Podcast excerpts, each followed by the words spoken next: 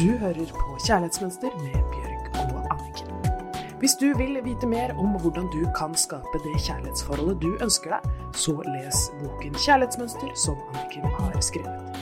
Boken Kjærlighetsmønster gir deg masse nyttig informasjon og praktiske oppgaver, slik at du kan skape det kjærlighetslivet du drømmer om. Velkommen til Kjærlighetsmønster med Anniken Lien Mathisen, forfatter av boken Kjærlighetsmønster, og meg, Bjørg Thoralsdottir. Um, I dag har vi faktisk fått inn et brev fra en kvinne som har vært sammen med kjæresten sin i noen år. Um, de bor hver for seg. Um, det som er hennes problem, som faktisk jeg syns er veldig interessant at hun skrev til oss om, fordi at dette er noe som jeg har tenkt mye på selv nå etter at jeg har fått kjæreste, uh, det er at når du blir sammen med en ny partner, så arver du jo også på en måte hans venner og eh, barn og familie. Så det er veldig mange mennesker som du plutselig må forholde deg til. Det er ikke bare den kjæresten som kommer inn.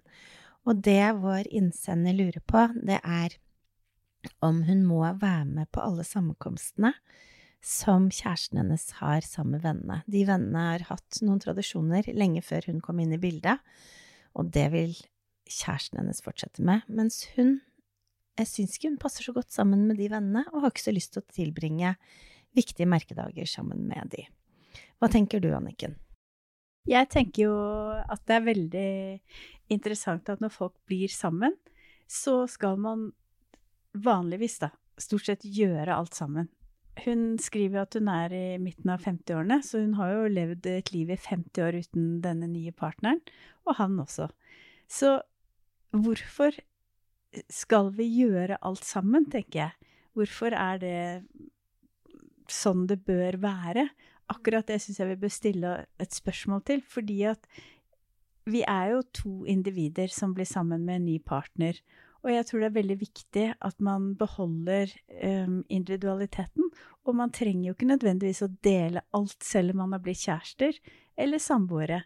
Jeg tror det er veldig sunt at man har sunne grenser. At man eh, Noe gjør du, dette er mitt, dette er ikke mitt, dette er ditt. Altså Men hvis det er altså disse festene hun snakker om, sånn som på nyttårsaften og sånn, um, hvor det er um, alle Eller ja, hvor alle har med partneren sin. Ja, men jeg tenker uansett, da hvis hun ikke har det noe hyggelig der, så går jo det utover deres forhold dagen etter nyttårsaften og på nyttårsaften. Er det ikke da bedre at hun gjør noe annet? Og hvis det betyr så mye for han, så må man jo respektere det, at han har lyst til å følge de tradisjonene. Men det er jo ikke noe positivt for forholdet at hun blir med på noen ting som hun misliker og ikke kommer overens med i det hele tatt. Da tenker jeg da er det mye bedre at hun kan få gjøre eh, sitt. og han gjør det han er vant til, og så kan hun gjøre noe hun gjorde før hun traff han, som er veldig hyggelig. Og da er det jo veldig mange som kan si og hva slags forhold har de, og det kan ikke være helt bra når de ikke feirer nyttårsaften sammen. Jo, nettopp fordi at man tar vare på 'her er mine sunne grenser'. Dette her syns jeg er ok, dette syns jeg ikke er ok. Jeg elsker deg, jeg har lyst til å dele livet mitt og være kjæreste med deg, men jeg kommer ikke så godt overens med de nyttårsvennene, så da gjør vi det litt utradisjonelt. Jeg blir ikke med på den festen, du drar dit og koser deg og har det kjempegøy, og så treffes vi igjen i morgen eller sent i natt. Men det jeg syns er interessant, er hvor går egentlig den grensen. Fordi at um, Så hvis man ikke liker familien til den nye kjæresten din, og de har familiesamlinger og sånn, uh, er det greit da å ikke være med på de familiesamlingene eller tradisjonene? Um, det er det jo ikke noe standardsvar på. Man må jo finne ut av dette her selv. Men det samme som med um, nyttårsfesten, da hva er det det går på bekostning av? Ikke sant? For hva er det man Man har jo et ansvar for det man bringer inn i forholdet. Jeg ser ofte på det med et forhold som en skuff. Se for deg en tom skuff. Mm. Og så det vi putter oppi den skuffen, begge parter, det blir jo det forholdet vårt består av. Og da må man jo ta ansvar for selv hva man Det fins jo ikke noe som er rett eller galt. Uh, man må selv finne ut av hva gjør det med meg når jeg er med deg på det og hva gjør det med oss når jeg ikke blir med på det? Ikke sant? Fordi at alle grenser har jo konsekvenser. Det er konsekvenser av å si ja, og konsekvenser av å si nei. Og dette er jo det å være voksen og ta 100% ansvar for seg selv, og ikke bare tenke ja, men jeg må jo det fordi at det skal man gjøre. Hvis det da gjør at oppi skuffen vår i vårt forhold blir det fryktelig mye krangel og aggresjon og, og sånne ting, så er det jo lurt å tenke seg om og diskutere. Det var best for oss, fordi Først av alt så har vi ansvar for oss selv, og så har vi ansvar for det vi bringer inn i forhold til hverandre. Så da må jo vi som par bli enige. Hvordan skal vi gjøre det? Ja, men jeg eh, syns det er litt fint det at man kan tillate seg å velge hva man bruker tiden sin på. Men det er litt sånn å finne ut hvor mye Hvor langt man skal strekke seg for partneren sin. Jeg vet bare i eh, Eh, min storfamilie på Island, så har jeg et par uh, nyankomne som liksom kone nummer to-type, som uh, ikke vil komme på familieselskaper og sånn.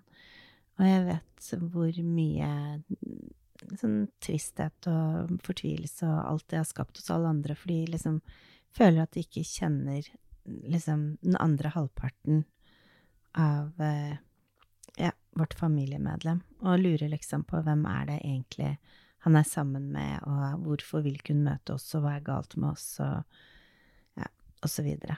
Så, og det kan hende at hun bare har sosial angst, og ikke takler det å være på fester, det vet vi ikke. Men jeg bare liksom Jeg syns det er interessant å spørre deg, Anniken, hvor går den grensen? For at nå som jeg har drevet og lett etter kjæreste, så var det faktisk noe jeg tenkte på. Så tenkte jeg bare jeg håper at jeg liker vennene hans også. For jeg Og jeg har faktisk ikke møtt vennene til kjæresten min ennå, så jeg vet ikke Jeg aner ikke hvordan de er. De er sikkert kjempehyggelige. Men um, Men det er ikke noe jeg kan svare på hvor går grensen der.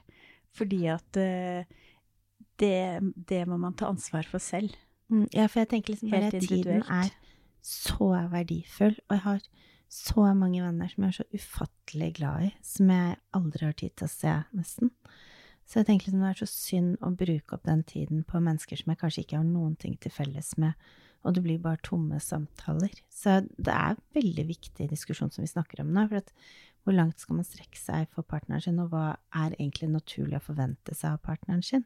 Kan man forvente at partneren skal være med på alt mulig sosialt? Er det normalt, liksom? Eller drit i hva som er normalt, men er det greit? Eller kan man gi hverandre den plassen, liksom? Jeg tror det er kjempeviktig å gi den mm. plassen. Og igjen, eh, man kan ikke si hvor går grensen, men det man kan si er at ta ansvar. Mm. Ta ansvar for hvordan eh, liv du vil ha, ta ansvar for hva slags forhold du vil ha, og hva du vil putte opp i denne skuffen. Hvis det betyr at hver gang jeg er med med dine venner, så kommer vi hjem, og så blir det avstand mellom oss, og da er det jo bedre at du får lov å leve det livet med de vennene som du har det så godt, og så kommer du hjem til meg, og så kan vi ha det hyggelig. Så kanskje det å dele alt er det noen som kan gjøre, og det går helt fantastisk, men kanskje ikke alle kan dele alt. Dele alle venner, dele alle eh, situasjoner, opplevelser og skape harmoni i forholdet. Og da er det man må stoppe opp og ta den diskusjonen. Og igjen, det er ikke noe rett og galt, men man må finne ut av selv ved å ta 100% ansvar. Man kan jo også se på muligheten av å diskutere er det mulig at vi drar til dine venner dette året, og så til neste år så gjør vi noe helt annet. Og åpne opp for at man kan bytte litt på da, i forhold til uh, hva den ene vil, og hva den andre vil. Det er faktisk sant. Det å finne kompromisser med at da kan vi ta det annethvert år eller noe sånt. Jeg har ikke vært i forhold, så jeg vet ikke. Men uh, det har jo du og Ava, så det er godt å få litt uh, gode innspill her på starten av mitt forhold, i hvert fall. Men uh, hva tenker du å si til denne kvinnen som har skrevet dette brevet, Anniken? Jeg tenker det vi har sagt hittil nå, er ting hun kan Eh, reflektere over. Og så er det hun skriver jo det at det oppleves slitsomt og energitappende. Denne gangen vil jeg ikke bli med, men heller hensynta meg selv og hva som er bra for meg. Noe min andre halvdel ikke forstår, eller antageligvis ikke vil forstå.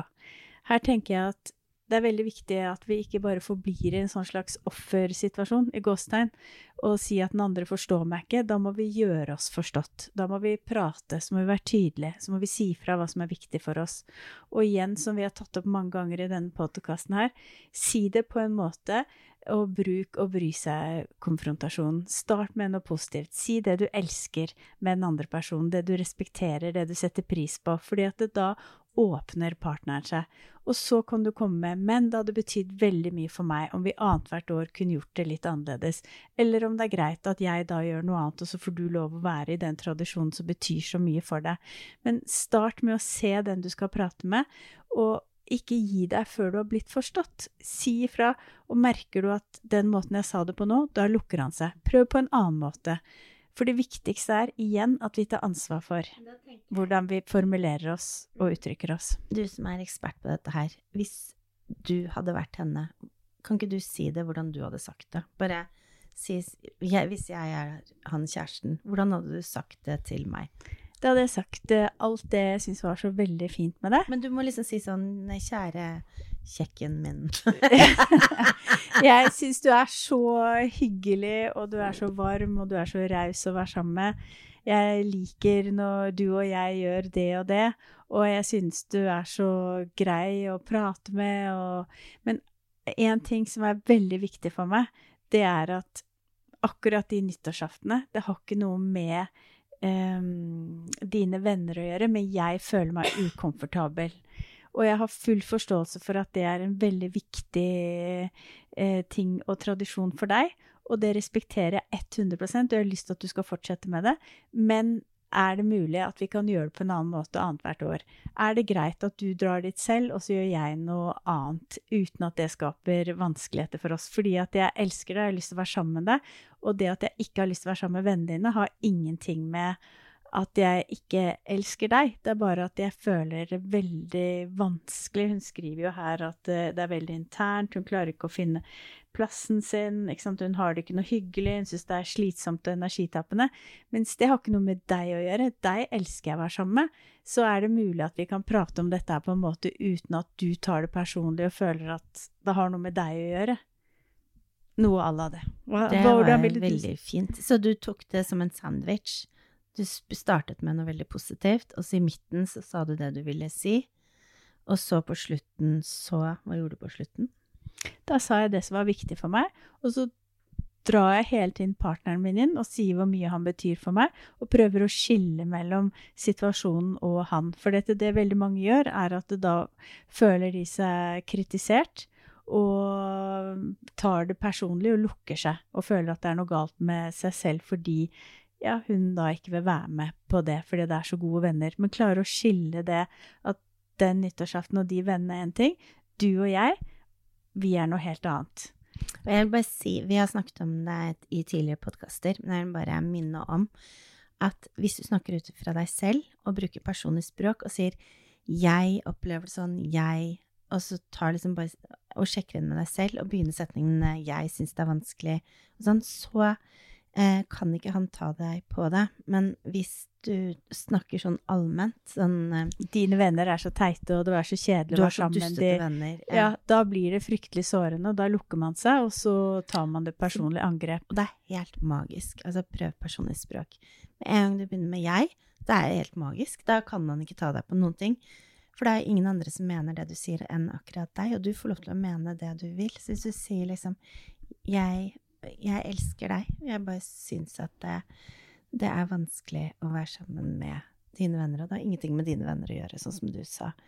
Um, det er fordi at jeg blir utrygg, eller jeg klarer ikke å få de dype samtalene, for at vi er forskjellige. Og gjøre seg forstått, sånn som du sier. Men det å snakke personlig språk er helt magisk. Så hjemmeleksen denne uken her, den er jeg veldig spent på. Den eh, tenker jeg at uh, Anniken eh, har tenkt at det lureste er faktisk å tenke en tenkt situasjon, hvis du er i et forhold, hvis du ikke er i et forhold, og så bare skrive opp, liksom, sånn at du er klar den dagen det skjer. Og så tenker jeg å lage den sandwich-samtalen til Anniken, hvor du husker på å si først noe positivt, og så si det du vil si, og så konkludere. Ja, så dagens oppgave er at når du skal si noen ting som er viktig for deg. Tenk da hvordan du kan nå den andre best mulig. Ikke putt deg i en offerrolle, i gåstegn, hvor du tenker at han forstår meg ikke, hun skjønner ikke hva jeg mener. Start med noe positivt, og så sier du etterpå hva som er viktig for deg. Lykke til! Men også vil jeg bare overføre det. Dette kan du gjøre på, hvis du har barn, eller eh, til venner, eller hvem det måtte være. Så vær tydelig, og skill på person og sak. Og så vil vi bare takke for at du hørte på oss i dag, og ønske deg en nydelig helg. Du hørte akkurat podkasten Kjærlighetsmønster. Hvis du vil ha flere tips og triks, gå inn på kjærlighetsmønster.no, eller følg Kjærlighetsmønster på Instagram.